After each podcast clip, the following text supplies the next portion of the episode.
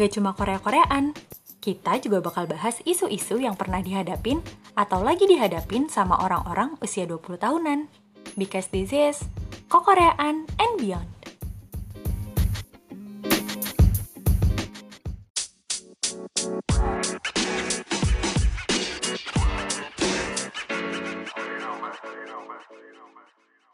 Buat orang yang doyan nonton konser dan enjoy banget berada di tengah-tengah scene pertunjukan musik, keadaan PSBB yang kayak sekarang nih jujur aja ngeselin dan nyebelin banget buat gue. Gue punya rencana nonton konser di semester pertama 2020 yang gagal, berantakan, either karena konsernya itu ditunda atau bener-bener di cancel, dan juga rencana nonton konser gue yang akan datang di semester kedua 2020 yang terancam berantakan juga karena ya konser-konser ini kecil banget kemungkinannya akan tetap terselenggara. Untungnya, beberapa pelaku dunia musik bekerja sama juga dengan platform media sosial punya inisiatif buat ngadain konser online. Emang suasananya nggak akan sama sih, tapi at least bisa ngobatin kerinduan gue buat ngeliat para idola atau para musisi kesukaan gue untuk perform secara live. Nah, di podcast ini gue bakal nge-review beberapa pertunjukan musik online, genrenya hip hop dan R&B karena ya itu sih yang gue dengerin, yang udah pernah gue tonton selama PSBB ini. Reviewnya nggak cuma tentang konser ya, tapi juga tentang platform yang digunain buat ngadain live konser tersebut. If you wanna know more about it, stay tuned.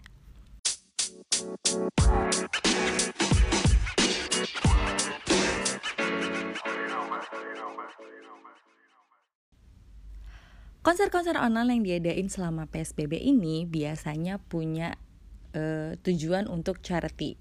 Jadi selama live concert itu akan ada tautan yang memungkinkan kita buat berdonasi untuk tujuan yang macam-macam. Ada yang tujuannya untuk bantu negara-negara berkembang survive di tengah pandemi, sampai tujuan yang spesifik kayak ngasih bantuan alat pelindung diri ke tenaga kesehatan yang bertugas selama pandemi ini. Karena kita tahu sendiri, maksudnya tenaga kesehatan ini selama pandemi ini adalah satria di garda paling depan yang kontak langsung dengan pasien, terus mereka juga capek, e, jam kerjanya jadi panjang banget, dan sering kali malah dapat stigma atau nggak begitu diperhatiin sama pemerintah. Oke, okay? Jadi selain nonton konser, selain seru-seruan, kangen-kangenan lihat live performnya artis idola kamu, kita juga bisa kontribusi untuk cause yang lebih gede, untuk manfaat yang positif. Langsung aja lah dimulai, ini dia review konser-konser online yang udah gue saksiin selama PSBB. Yang pertama ada Our Identity Project Blue Marble yang diinisiasi sama Amazon Music. Mereka pakai platform YouTube Live buat ngadain online konser ini. Jadi, konsep dari Our Identity Project ini sebenarnya mempertemukan kita sama musisi-musisi di scene underground sampai semi mainstream yang berkebangsaan Asia. Mereka ini aktifnya nggak cuma di scene musik Amerika doang, tapi juga ada yang aktifnya di scene musik e, Korea atau bahkan Asia Tenggara. Yang gue suka dari konser ini adalah dia nggak membatasi performancenya itu berasal dari genre atau scene musik tertentu. Jadi semua genre itu ada dari underground rapper kayak uh, Sokodomo, terus penyanyi yang baru rising kayak Miso, sampai penyanyi yang kita udah familiar sekelas J Park dan Agnes Monica. Selain itu karena uh, project Blue Marble ini fokus sama musisi-musisi yang underground, gue banyak banget nemuin kayak hidden jewel gitu loh. Jadi musisi-musisi yang sebelumnya gue nggak pernah dengar namanya dan gue nggak pernah dengar lagunya, tapi pas gue nonton di situ tuh langsung kayak oh my god gitu kayak ke mana aja gue selama ini gue nggak tahu bahwa mereka itu ada kayak gitu. Dan lagunya itu ternyata oke okay banget kayak gitu. Jadi uh, ini adalah space yang tepat buat kalian yang doyan nemuin artis-artis underground yang punya musik oke okay banget gitu.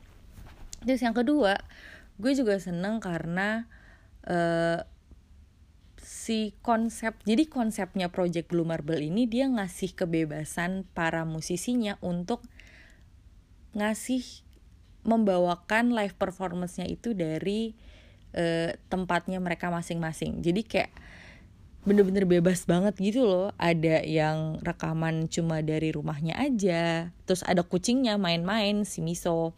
Terus uh, ada juga yang dia live perform cuma dari studionya. Ada juga yang uh, live performnya itu lebih well established gitu. Dia kayak emang nyewa satu latar sendiri terus uh, terencana gitulah. Mereka pakai stage outfit yang oke okay juga dan ya ada skenario nya gitu. Bahkan Agnes Monica menurut gue dia itu nggak uh, menampilkan videonya dia live gitu. Karena uh, itu apa ya uh, dari angle pengambilan video terus cuttingannya tuh itu multiple angle dan cuttingannya tuh rapi banget. Jadi kayak nggak mungkin sih itu adalah video live. Malah menurut gue lebih kelihatan kayak MV gitu.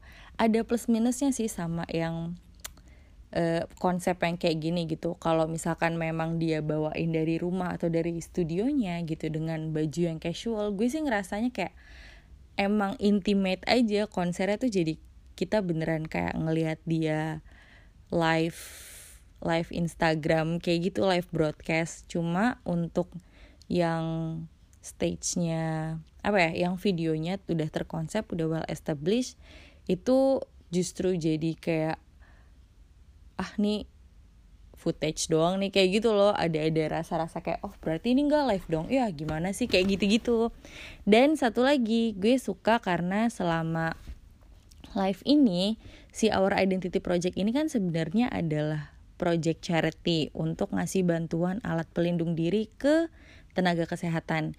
Selama live mereka itu ngupdate terus uh, udah berapa jumlah donasi yang masuk. Jadinya transparan banget. Itu dia beberapa hal yang gue suka dari si project uh, Our Identity Project ini.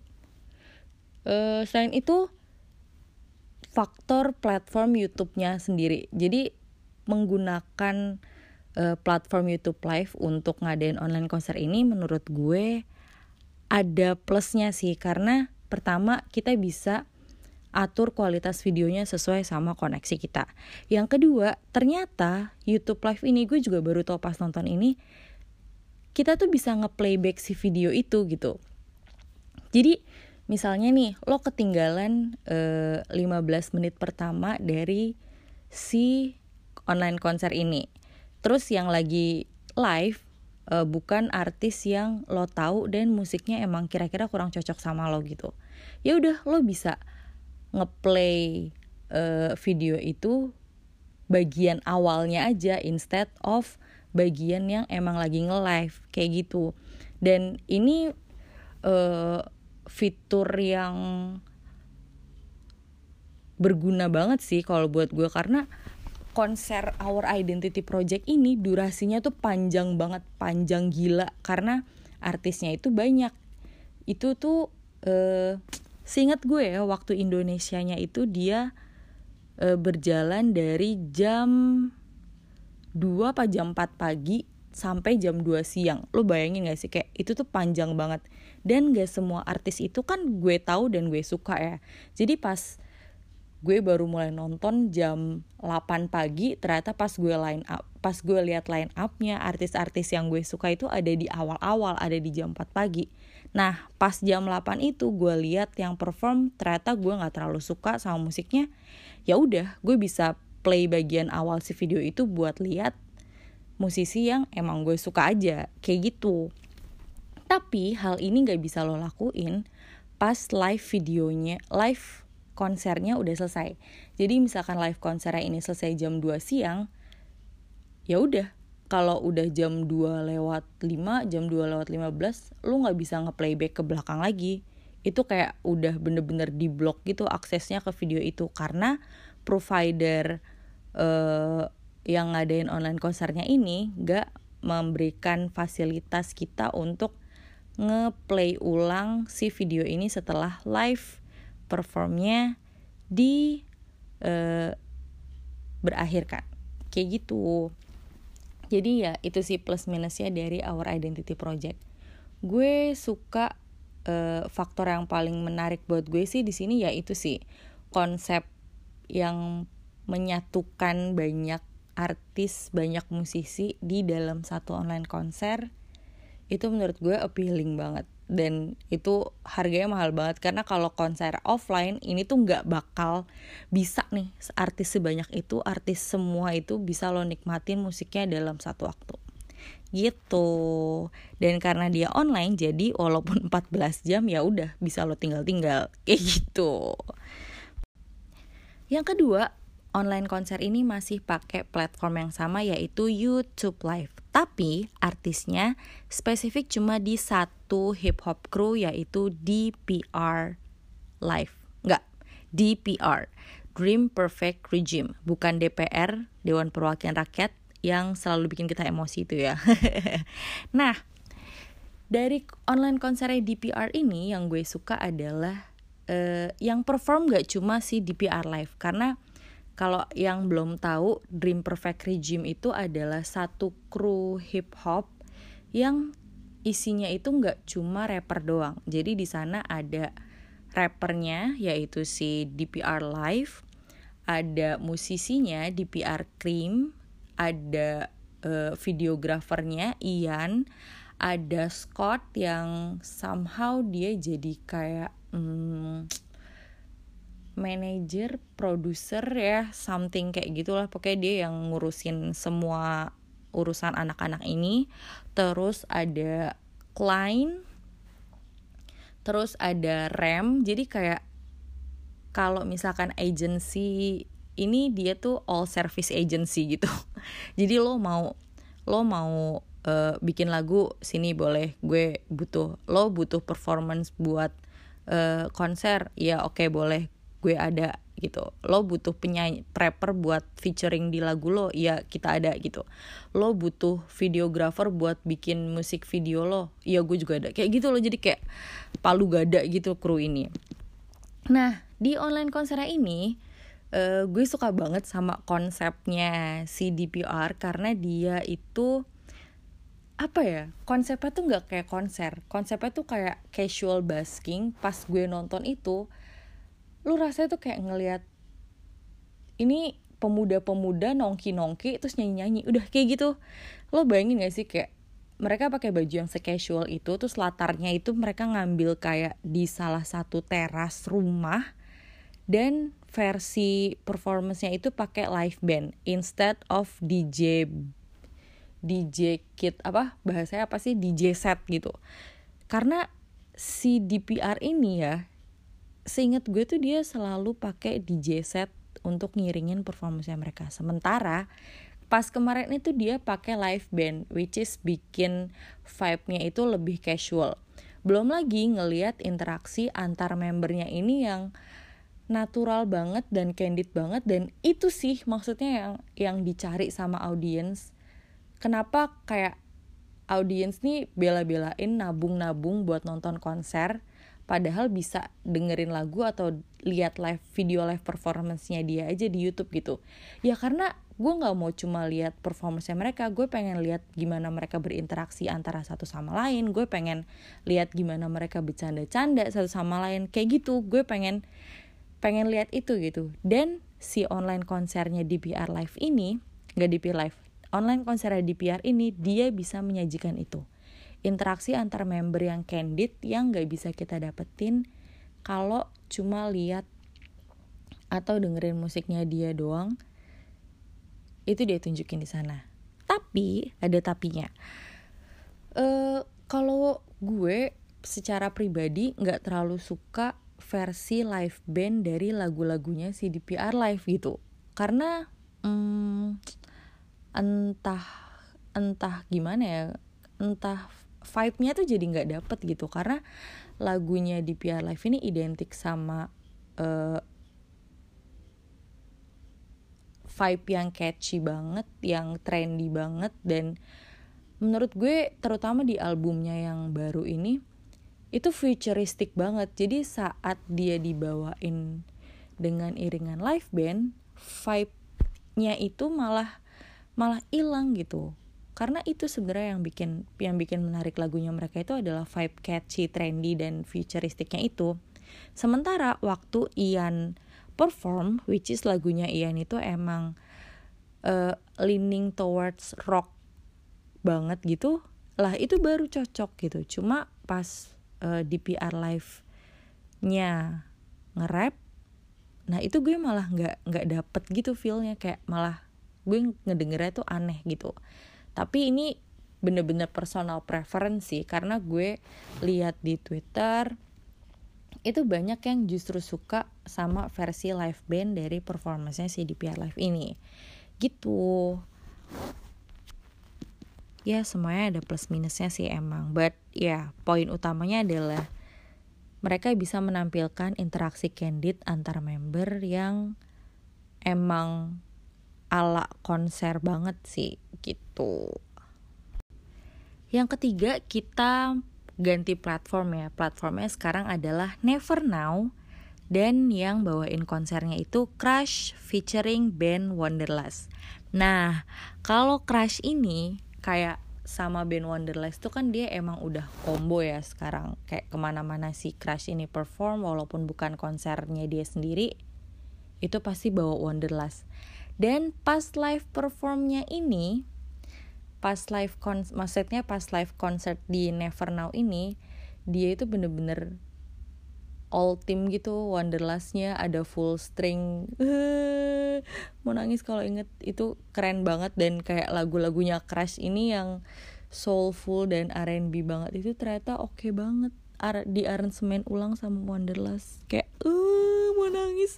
Itu oke okay banget sih gitu dan uh, gue suka banget karena mungkin karena ini emang spesifik konsernya itu satu artis ya si Crash dan Wonderlust gitu. Jadi uh, ya puas banget lah gitu. Kayak walaupun ini cuma sejam durasinya tapi eh sejam apa dua jam ya? Pokoknya kayak durasinya nggak panjang dan dan rasanya ya puas aja. Karena kayak kita ada di situ buat nonton Crash dan emang selama itu kita disajikan dengan crush crush yang nyanyi crush yang ngedance crush yang MC crush yang uh, ngebully-bully nggak ngebully-bully sih crush yang goda-godain member band Wonderlustnya gitu. Pokoknya it's totally all about crush.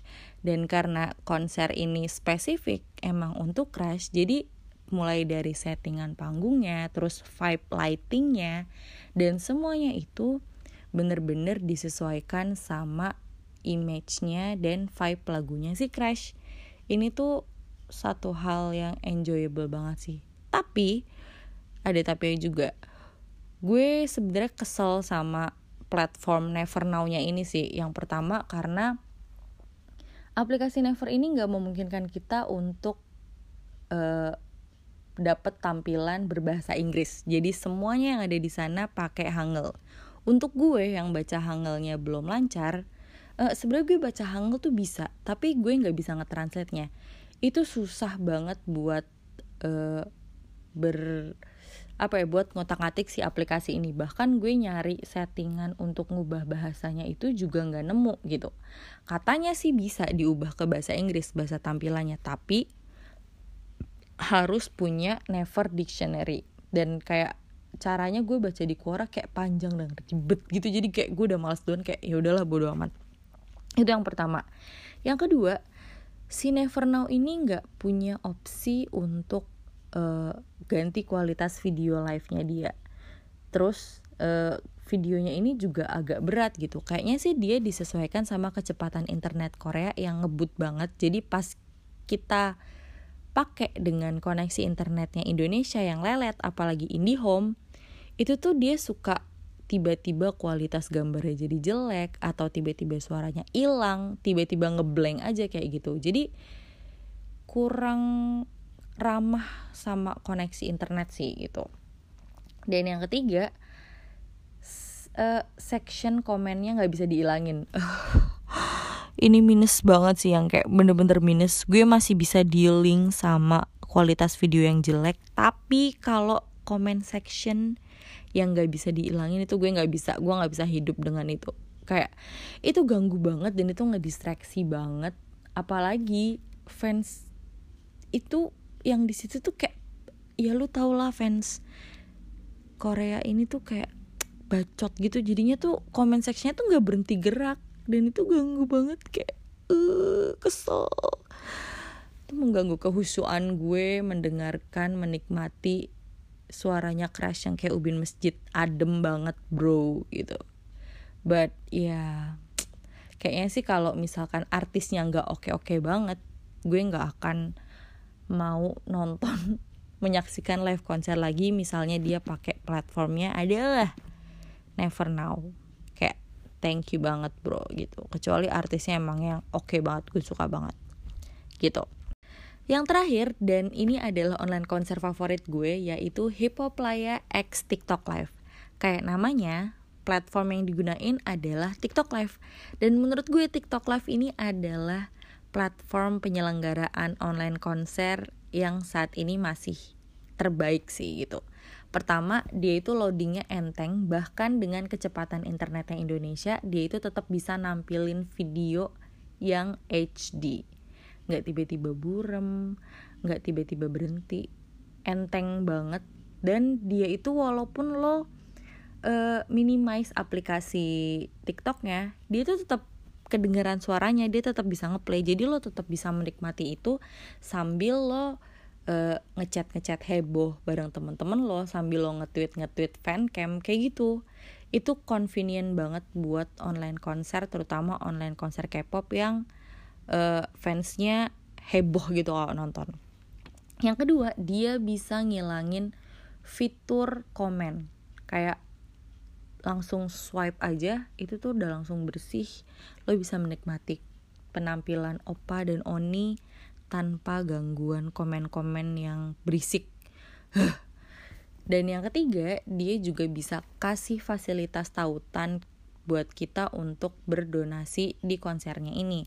Karena Hip Hop Laya ini kemarin itu konser online-nya juga e, keperluannya untuk donasi.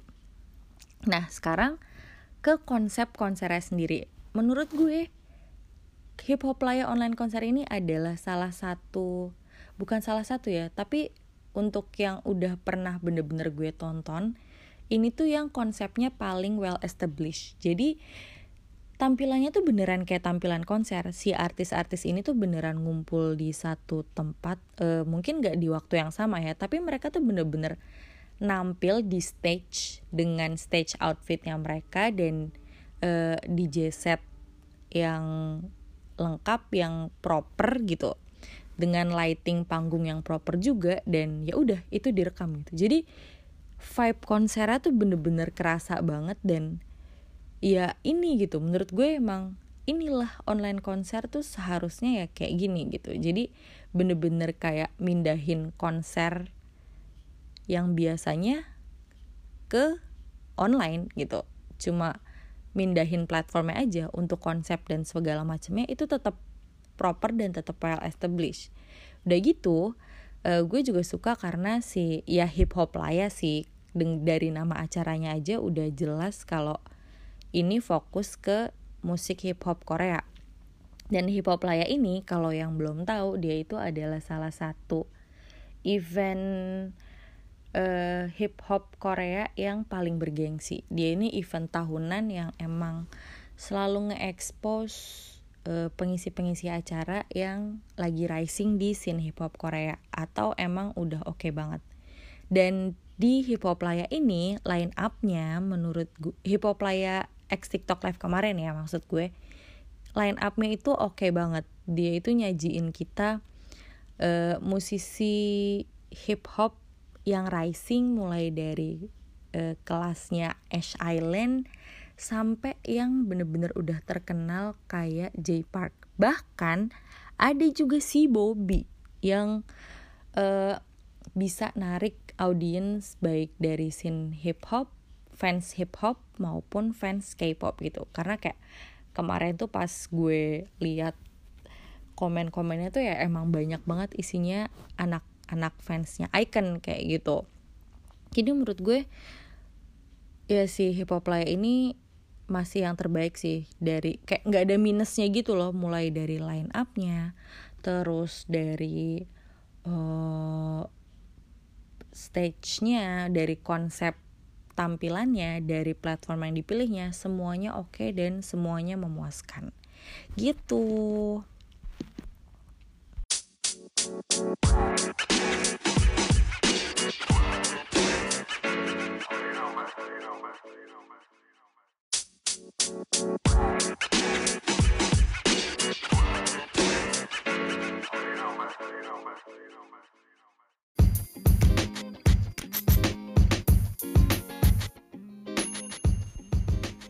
Thank you for listening to Kokoreaan and Beyond. Kalau ada kritik dan saran, langsung aja hit me on my Instagram di @litsve. London, India, Tango, Zulu, Victor, Eko. Mau hi dan cuma rumpi-rumpi atau fangirlingan bareng juga boleh banget kok. Pokoknya I'm so excited to talk to you and see you.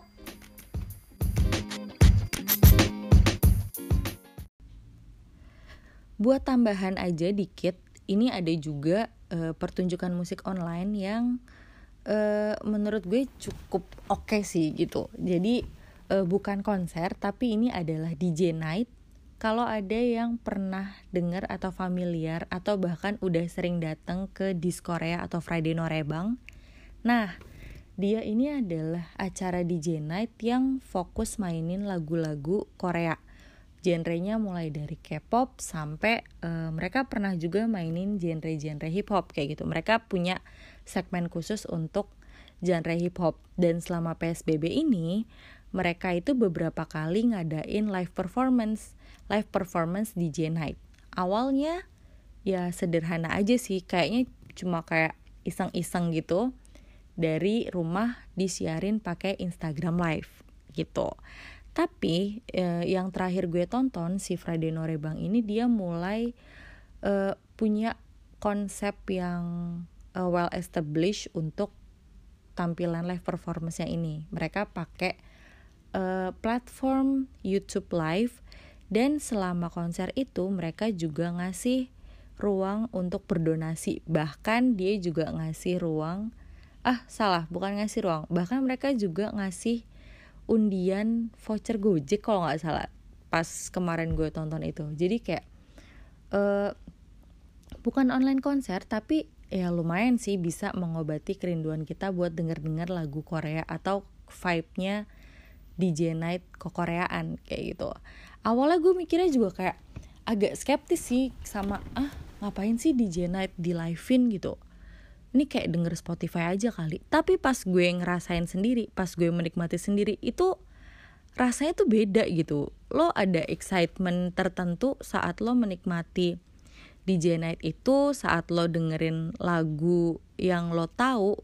Maksudnya kayak gue ini kan gue udah udah udah cukup lama nggak terlalu ngikutin K-pop jadi gue tuh nggak tahu lagu-lagu Korea yang baru. Jadi sekalinya diputerin lagu K-pop Gen 2 atau lagu hip hop atau lagu R&B yang gue tahu itu tuh kayak gue bisa se bisa jadi se excited itu gitu. Dan ditambah lagi karena uh, si DJ ini perform dengan full set DJ gitu mereka tuh juga suka ngeremix remix lagu Koreanya ini jadi jadi versi yang yang seru gitu.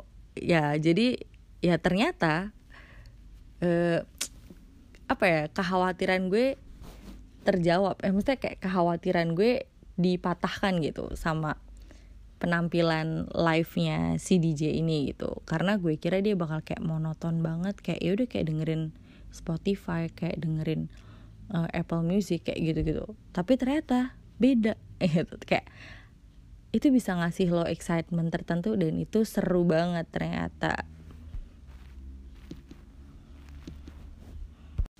Nah, itu dia live performance atau online konser yang udah pernah gue nikmatin selama PSBB ini. Dan ya, walaupun nggak bisa bener-bener menciptakan uh, suasana konser atau suasana festival musik yang gue rindukan tapi ya sedikit bisa mengobati uh, keinginan gue untuk ngelihat live performance-nya artis-artis musisi-musisi idola gue. Tanggal 20 Juni besok bakal ada online konser lagi yang menurut gue ini skalanya gede banget yaitu K-Con konser. Yang bikin gue excited gak cuma karena nama K-Connya yang emang terkenal tiap tahun selalu nyediain line up K-pop idol yang oke okay banget yang full banget tapi juga platform yang mereka gunain tanggal 20 besok mereka bakal ngadain live konser lewat Shopee Live kayaknya ini kayaknya sih yang pertama ya karena uh, sebelumnya tuh gue belum pernah denger atau belum pernah tahu ada online konser yang diselenggarain lewat Shopee Live. Pernahnya ya YouTube Live, terus V Live, terus Never Now, terus TikTok kayak gitu. Tapi ini Shopee gitu yang biasanya buat uh, promosi jualan, bagi-bagi voucher, review barang, ini dipakai untuk online konser. Menurut gue ini satu hal yang progresif banget sih. Jadi gue excited juga dan penasaran juga bakal kayak apa ya bentuknya walaupun ya gue kayak yang gue bilang tadi gue udah nggak terlalu ngikutin K-pop dan kayak huh, udah capek dengan segala dramanya gitu but yeah because this is KCON and they use Shopee Live so I'm very excited for that. Jadi buat yang sama juga penasarannya kayak gue tungguin aja tanggal 20 Juni besok di Shopee Live. Buat jamnya dan tanggal tepatnya karena karena kayaknya seingat gue ini tuh nggak cuma satu hari acaranya. Jadi sampai tanggal 22 apa malah 23 gitu. Dan jamnya juga gue lupa jam berapa. Itu kalian langsung googling aja. Banyak banget bertebaran infonya di Twitter atau mungkin di Google sendiri. Gue yakin udah banyak uh, situs berita yang ngangkat tentang ini. Jadi jangan males browsing sendiri. Padahal gue sendiri juga sering males browsing lol. Yaudah itu aja pokoknya selama PSBB ini jangan sedih walaupun ya lo sedih. Bosennya eh, gimana caranya? Coba diobati. Stay safe dan stay healthy. Kalau harus keluar ya lindungilah dirimu sebisa mungkin. Selalu jaga kebersihan dan semoga kita bisa melewati ini semua dengan selamat guys Bye. See you on my next podcast.